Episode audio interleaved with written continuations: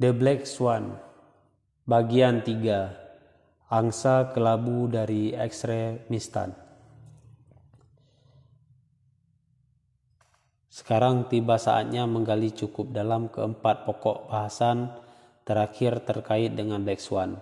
Pertama, saya telah mengatakan di bagian depan bahwa dunia bergerak makin dalam ke ekstremistan, bahwa itu tidak terlalu dipengaruhi oleh mediokristan. Sesungguhnya gagasan ini lebih samar daripada itu. Saya akan memperlihatkan cara dan menyajikan berbagai gagasan yang kita punyai tentang pembentukan inequalitas. Kedua, saya pernah menjelaskan kurva lonceng Gauss sebagai sebuah delusi yang menular dan parah, dan tiba saatnya untuk menggali perkara ini lebih dalam.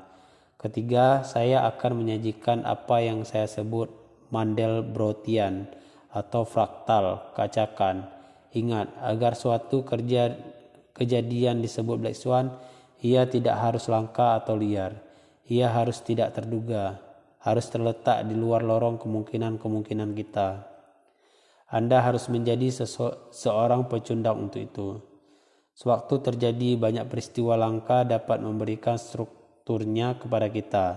Tidak mudah menghitung probabilitasnya, tetapi mudah mendapatkan sebuah gagasan umum tentang kemungkinan terjadi kejadiannya.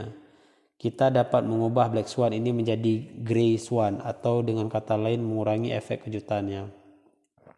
Seseorang yang sadar dengan kemungkinan peristiwa seperti itu dapat bergabung dengan kelompok bukan pecundang. Akhirnya saya akan menyajikan gagasan-gagasan para filsuf yang berfokus pada ketidakpastian palsu. Saya menyusuri buku ini sedemikian rupa sehingga Bagian-bagian yang lebih teknis walaupun bukan pokok berada di sini.